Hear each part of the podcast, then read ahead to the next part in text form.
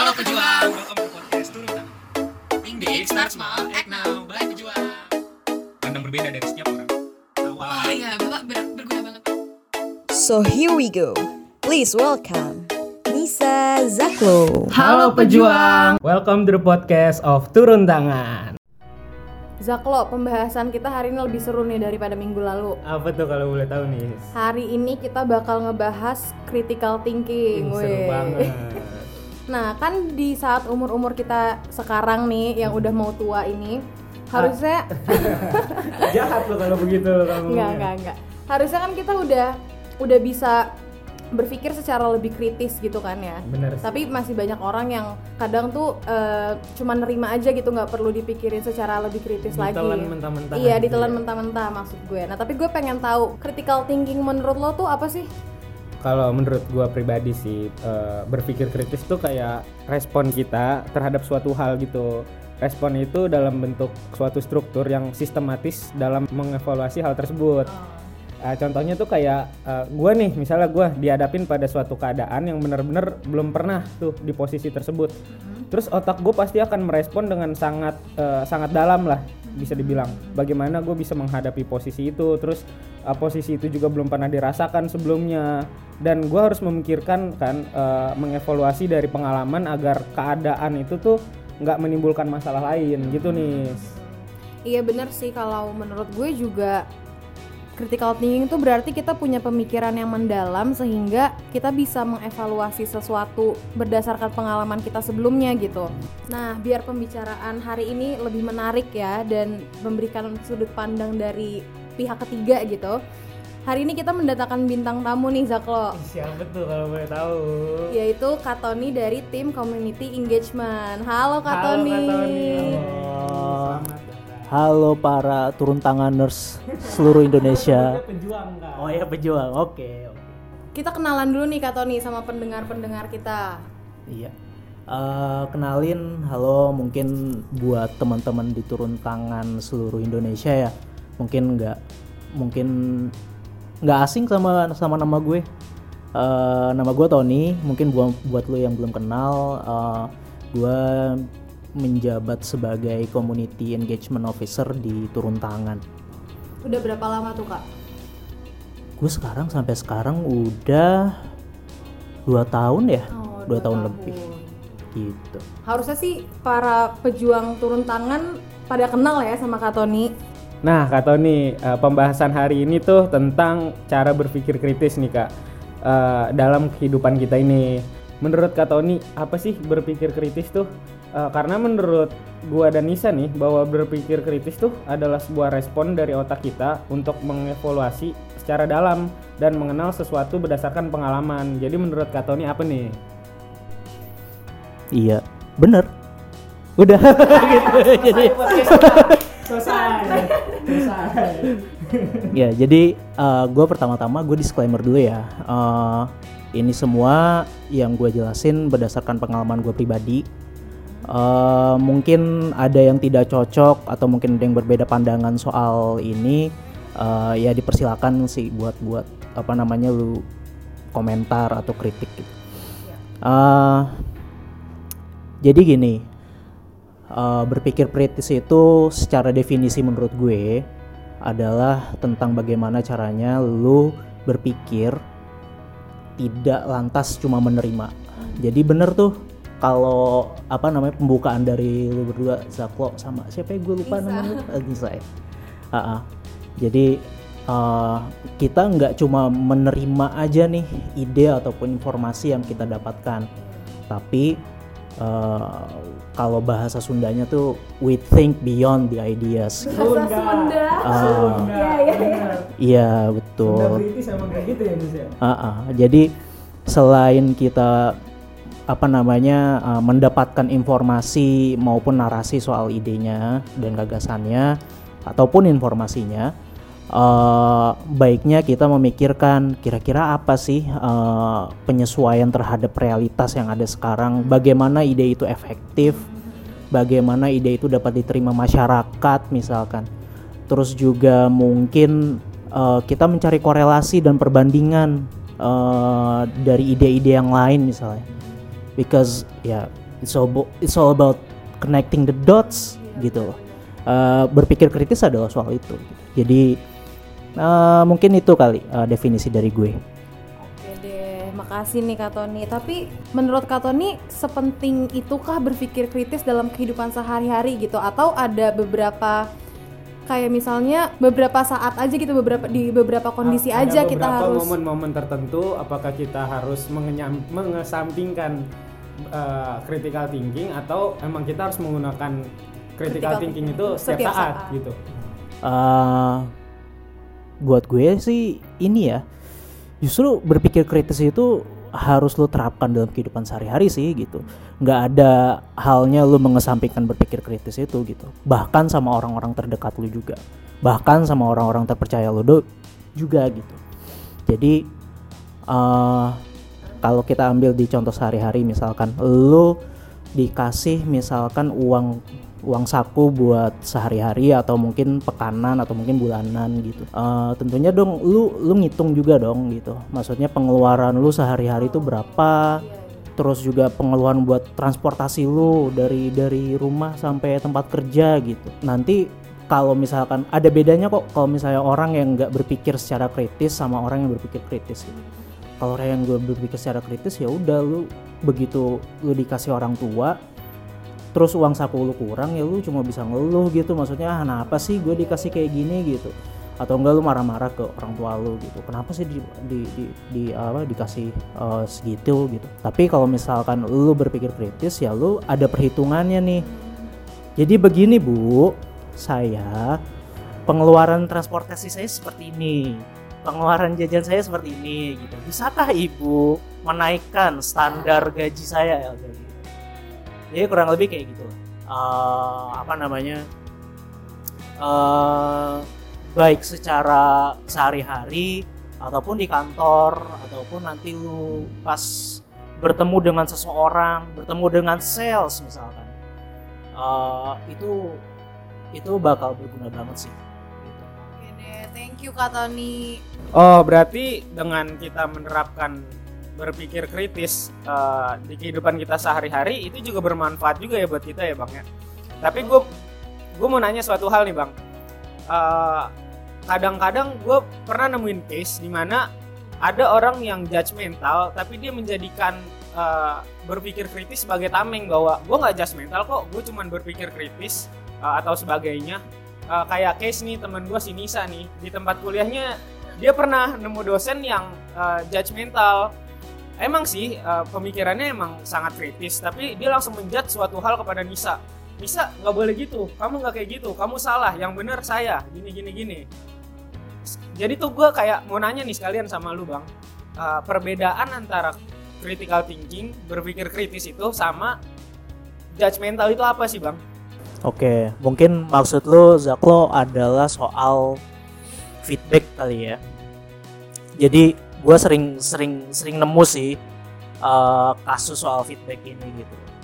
Eh, di mana ya orang itu kritis gitu, tapi eh, karena penyampaiannya yang tidak baik sehingga penangkapannya di orang tersebut adalah ya orang ini judgmental gitu kayak misalkan contoh eh kayak gimana ya? Eh kita ini bebas berpendapat ya. Negara kita itu azasnya tuh kebebasan berpendapat gitu. Tapi sayangnya ironinya adalah kebebasan berpendapat itu ada batasnya. Batasnya apa? Kalau misalkan kita sudah menyakiti kenyamanan orang lain. Eh kayak misalnya gini deh. Gua gua gua bedakan jadi jadi dua contoh. Pertama kalau orang yang memang benar-benar sudah kritis misalkan gue ngeritik soal sebuah HP kayak misalkan ini HP ini rasa-rasanya kayak ini ya kurang nyaman di genggaman ya. Terus habis itu eh, gue juga kalau megang HP ini kayak rasa-rasanya licin gitu. Beda dengan eh, ada gini HP ini ampas tidak berguna nggak layak jual. Ini pasti developernya main-main nih. Kan kebanyakan kayak gitu ya maksudnya eh, produk-produk yang berasal dari negeri sana eh, sering kali dicap nggak baik. Jadi eh, adalah bagaimana caranya kita membedakan penyampaian feedback yang baik dan mana yang yang negatif gitu. Eh, lu harus memperhatikan intonasi lu harus memperhatikan substansi Eh, kalau memang eh, tadi Nisa dikritik soal eh, misalkan kayak telat terus gitu misalkan. Eh, sorry Nisa eh, kayaknya belakangan kamu tel- telat terus ya gitu. Eh, kita kan udah ada aturan nih kalau misalkan setiap kuliah harus mulai jam berapa tepat waktu gitu. Eh, bisa nggak ke depannya kamu eh, untuk datang selalu tepat waktu gitu. Terus habis itu ditanya kenapa sih kamu apa namanya eh, telat terus? Kendala kamu apa di jalan? Gitu. Kan beda kan beda kan penangkapan lu eh, sama orang yang bisa kamu itu tukang telat ya? Gitu. Nah itu kan beda tuh kan. Jadinya eh, menurut gue yang membedakan antara berpik orang yang benar-benar menyampaikan kritiknya dengan benar sama yang enggak itu kentara kok gitu. cuma masalah di kitanya aja membiasakan diri untuk mendapatkan feedback itu sih Oh, berarti itu lebih ke gimana cara penyampaian dan gimana cara kita menerimanya ya, Bang? yes betul Nah, tapi Kak eh, kan ada nih beberapa orang yang menurut aku belum bisa gitu untuk berpikir secara kritis di kehidupan sehari-harinya kayak dia dihadapin apa ya udah diterima aja, diterima aja kayak pasrahan gitulah intinya. Nah, menurut Kak Tony gimana sih cara mengasah manusia, mengasah seseorang tuh biar dia bisa berpikir lebih kritis lagi gitu? Oke, eh, buat gua sih perbedaannya bagaimana orang harus bisa kritis adalah pengetahuan. Pengetahuannya harus lebih luas gitu. Eh, jadi gimana caranya? Kalau gue, kalau gue biasain baca buku. Pertama itu biasain baca buku. Kedua, mungkin lu sering-sering keluar eh, lu sering-sering melihat keadaan-keadaan di luar gitu nggak cuma di lingkungan sekitar lo doang mungkin lu kalau misalnya pengen melihat permasalahan sosial misalkan lo mau terjun di dunia kerelawanan gitu ya eh, lu harus turun di daerah-daerah yang emang dalam kategorinya termarginalkan gitu. Eh, pun lu coba harus berusaha untuk ngobrol sama mereka gitu Eh, mana sih apa namanya eh, keadaan di sini kayak gimana gitu. Buat gue sih penting sih baca buku sama ngobrol gitu. Lu lu tahu teori tapi lu juga tahu fenomena fenomena yang ada di realitasnya kayak gimana gitu. Karena kadangkala ada banyak orang-orang yang paham teori tapi secara secara realita zaman tuh kayaknya dia nggak bisa menyesuaikan gitu. Itu sih. Em, Oke, berarti orang yang berpikir kritis itu ya biasanya memang dia punya pengetahuannya banyak gitu ya kak. Kak, Jadinya dia juga bisa melihat kemungkinan-kemungkinan lain, makanya bisa dibilang ya dia berpikir kritis gitu. Iya. Sama satu lagi banyak nanya. Oh iya banyak nanya. Nih Zaklus. nanya yang substansial ya. Oh, ha. Jangan banyak nanya yang nggak perlu. Oh, iya iya iya setuju. Jadi sekalian nih, Bang. Gue mau nanya nih. Sekalian pas banget nih. gue pengen tahu nih, Bang. Setiap hari kan kita eh, pasti akan nerima sebuah informasi yang baru. Eh, itu sebuah informasi itu hadir di dalam kehidupan kita tuh. Salah satunya mengenai politik eh, atau pemerintah dan sebagainya lah. Biasanya kan itu menimbulkan kelompok-kelompok ya yang saling berbeda pendapat lah. Eh, ada yang benar, ada yang salah. Nah, dari hal seperti ini nih, gimana sih caranya supaya kita eh, bisa memperkuat pemikiran yang kritis itu? Terus kan karena bisa aja gitu, banyaknya informasi yang timpang tindih itu kita jadi sulit membedakan informasi yang mana yang harus dipercaya gitu. Iya. eh buat gue sih ini kita pandai-pandaian kita dalam menilai sih ya. Karena sekarang zaman digital beda ya zaman gue dulu pas masih sekolah gitu. Gue cuma tahu apa namanya apa-apa dari TV doang gitu. Bahkan dari omongan-omongan saudara gitu. se- kita udah ya udah disodorin semuanya gitu di di media sosial gitu. Di internet. Jadi buat gue eh, ini nggak khusus ke arah pemerintah ya. Tapi gua rasa ada hal ada baiknya kalau misalkan eh, setiap isu yang beredar kalau emang lo benar-benar tertarik untuk untuk menelusuri satu isu itu ya udah fokus di situ aja gitu. Pun eh, buat menyik buat menentukan mana yang benar dan mana yang salah gitu. Eh buat gue benar salah benar kebenaran itu relatif gitu. Maksud gue maksud gue kayak kayak nggak ada orang yang salah ya. Maksudnya eh, bahkan seorang perampok pun bisa jadi alasan dia benar untuk merampok gitu. Eh, kita nggak bisa menjustifikasi eh, mana yang benar mana yang salah berdasarkan niatan orang gitu. Baik itu bahkan kepada pada politikus sekalipun gitu. Eh, lu bisa melihat mungkin sederhananya kalau misalnya lu lihat eh, satu berita sekilas gitu kayak eh, misalnya ada siapa ngejelekin siapa gitu. Ya lu lihat latar belakangnya latar belakang orangnya dari mana sih gitu? Terus rekam jejaknya tuh dia kayak gimana sih gitu? Kalau misalnya oh emang udah dari dulu biasa ngejelek-jelekin eh, satu orang gitu oh ya udah berarti nggak heran. Tapi ada baiknya juga kita tahu alasan eh, sebenarnya informasi sebenarnya eh, soal ya satu isu gitu. Artinya kalau misalnya lu baca artikel ya lu bener-bener bacalah gitu. Nggak cuma ngelihat judul gitu sih benar dipahami ya yes betul Ya, berarti sama nih kayak episode-episode kemarin Iya. tentang hoax. Iya, Kita harus lebih menggali informasi apa sih apakah emang berita atau uh, informasi tersebut udah terverifikasi atau belum nih. Nyambung juga nih sama cara berpikir kritis.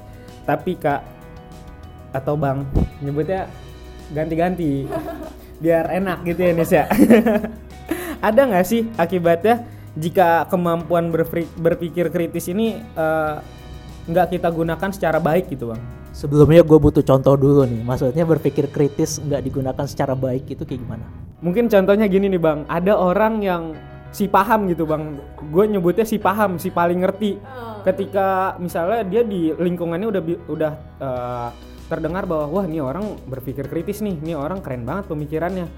Tapi dia malah jadi si paling ngerti gitu kayak merasa paling merasa benar. paling paham, merasa paling ngerti dan nggak mau eh, pemikirannya dipatahkan gitu bang. oh iya iya ini nyangkutnya kayak kayak ini ya kayak penguasaan ego masing-masing gitu iya ada baiknya kalau misalkan lu mau ngeritik ya lu perhatiin dulu keadaan hati lu misalnya suasana hati lu tuh lagi kayak gimana sih gitu. Ada kalanya gini lah misalkan ada ada bos sama bawahan atasan sama bawahan. Kadangkala bawahan tuh ngerasa kayak ini arahan si bos ini semena-mena ya? Maksudnya kayak eh lu nggak lu nggak achieve nih minggu ini nih gitu. Eh, ya lu lakukan sesuatu lah gitu. Kan ya kita nggak ada nggak ada petunjuk gitu nggak ada nggak ada petunjuk dari si bos gitu. Ini kenapa sih? Kenapa kenapa dia bisa kayak gitu sih ngomongnya gitu? Eh, ada baiknya ketika lu menyampaikan satu kritik ya lu sam lu perhatiin dulu suasana hati lu. Kira-kira eh apa namanya lu bisa menyampaikan kritik dengan baik atau enggak gitu. Eh, kalau misalnya nanti terkesan emosi atau kayak gimana ya itu jelas akan merugikan diri lu sendiri. Jadi ya balik lagi ke soal penyampaian kalau misalnya lu nggak bisa menyampaikan kritik dengan baik ya lu sama aja itu bisa merugikan citra diri lu sendiri gitu.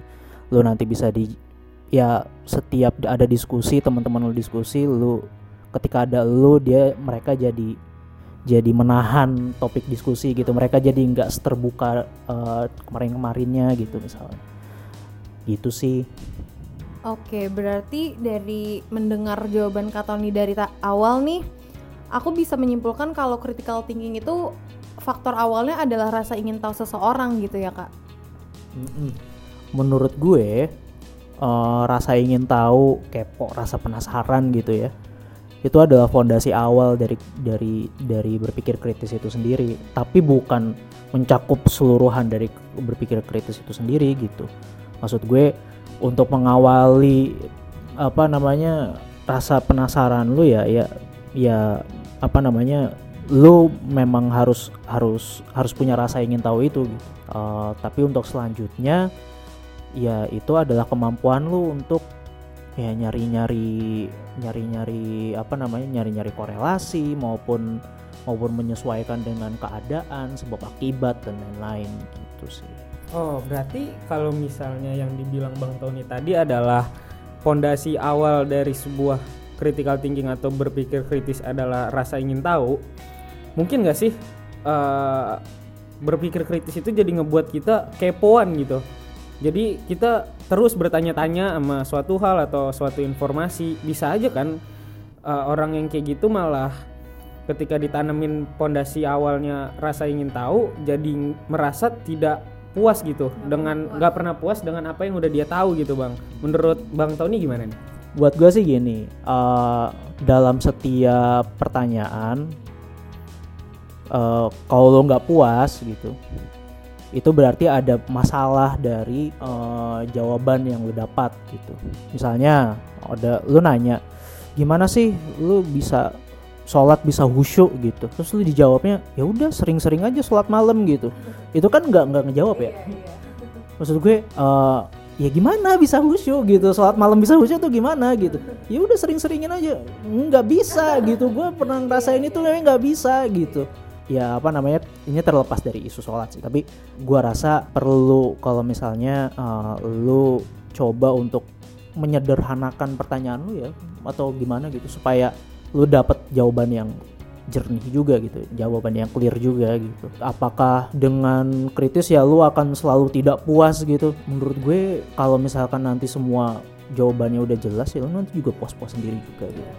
Masalah nggak puas itu dari kayak mental lu aja buat buat nyari sesuatu gitu. Dari apa namanya kayak belajar hal ya belajar itu nggak nggak nggak boleh nggak boleh nggak ada rasa puas gitu, gitu sih. Berarti hal tersebut bisa dipatahkan dengan cara komunikasi kita ya. Bisa kita simpulin dari tadi banyak banget loh eh, faktor-faktor yang mempengaruhi eh, critical thinking atau berpikir kritis ini.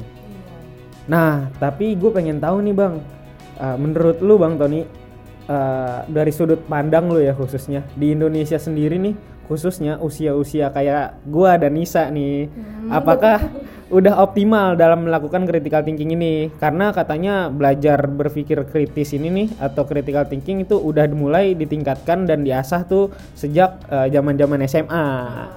Gimana nih Bang Tony? bahkan menurut gue nggak sejak SMA sejak kecil bahkan lo harus di, di- dibiasakan uh, berpikir kritis gitu Uh, tapi lu bisa bisa tahu nggak kenapa alasannya uh, lulusan luar negeri itu banyak banget diterima kerja daripada lulusan dalam negeri Di Indonesia?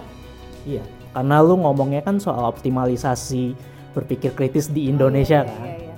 Kurang tahu sih Kak. jadi gini ya kalau gue merasanya eh, selama gue kuliah mau- maupun secara eh, pas pas gue sekolah gitu gue nggak diajak untuk untuk bebas memikirkan sesuatu dan menyampaikan sesuatu oleh guru gue atau dosen gue. Eh sesederhana gini deh. Ayo siapa yang bisa jawab? Terus gue nunjuk tangan gue jawab salah gitu. Kayak gitu aja kan udah udah udah mental block gitu ke kita kan. Ya nggak sih? Eh, pun saat perkuliahan gitu gue nggak merasa gue dapet gue nggak merasa gue dapet eh, materi so ya pengaplikasian soal berpikir kritis itu karena karakteristik pengajar-pengajar gue ya malu mungkin gara-gara perbedaan generasi kali ya. Eh, kebanyakan dari orde baru gitu. Gue jadinya rasanya kayak ya udah begitu masuk eh, dunia kerja gue kayak ngerasa dicocok aja gitu. Eh, ini pun nanti berguna buat buat buat dunia kerja lu nanti gitu Eh, buat karir lu nanti ke depan bahwa ya lu nggak bisa nerima gitu aja apa yang dikatakan atasan lu. Lu harus bisa pandai-pandai nanya kenapa. Ketika lu diarahin misalnya eh, eh Nisa kamu nyuci piring ya gitu. Emang itu masuk tugas saya? Ya pak gitu. Atau bu gitu. Eh, apa namanya ya pada akhirnya kan gua gua ngambilnya kayak budaya-budaya feodal gitu lah kita ini kan berangkat dari kalau zaman dulu ya kita ini kan berangkat dari eh, negara kerajaan gitu. Terus terjajah budaya feodal tuh kayaknya terlalu mengakar banget gitu. Sehingga kita pas mengkritik dianggapnya sebagai kamu ini nggak menghormati orang tua ya gitu. Nah itu itulah yang yang yang yang apa namanya perlu dibudayakan gitu. Gimana caranya kita na- nanya dengan baik pun ya membiasakan itu tadi membiasakan berpikir kritis tadi gitu Ya, jadi jangan sampai terbiasa disuruh aja, mau-mau aja gitu ya, Kak. Berarti bisa dibilang belum optimal ya, Kak? iya menurut gue ya menurut gue belum Hmm, gitu.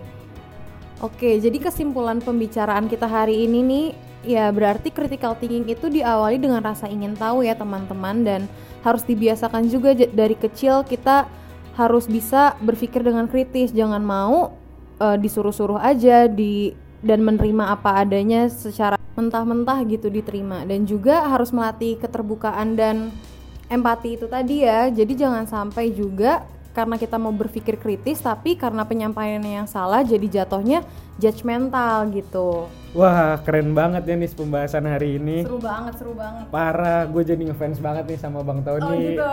Kapan-kapan eh, kita undang Bang Undang Tony lagi, lagi, ya oh, buat iya, iya. ngebahas mungkin ngebahas teori meteor jatuh dari barat ya.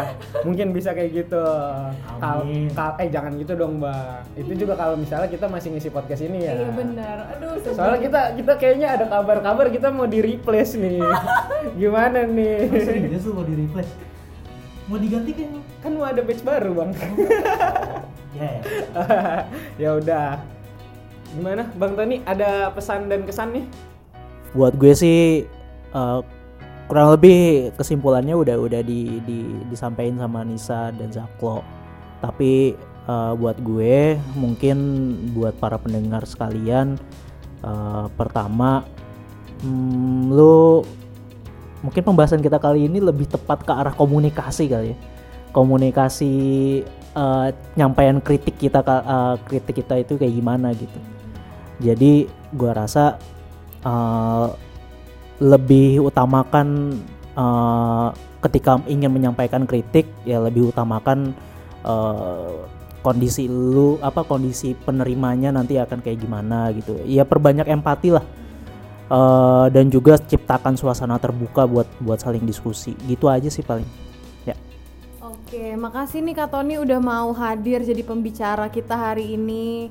yo thank you for having me Pasti seru banget kan di studio ini kan? Seru banget. Oke deh, makasih juga untuk pendengar episode hari ini dan jangan lupa untuk dengerin episode-episode selanjutnya. Think big, start small, act now. Baik pejuang.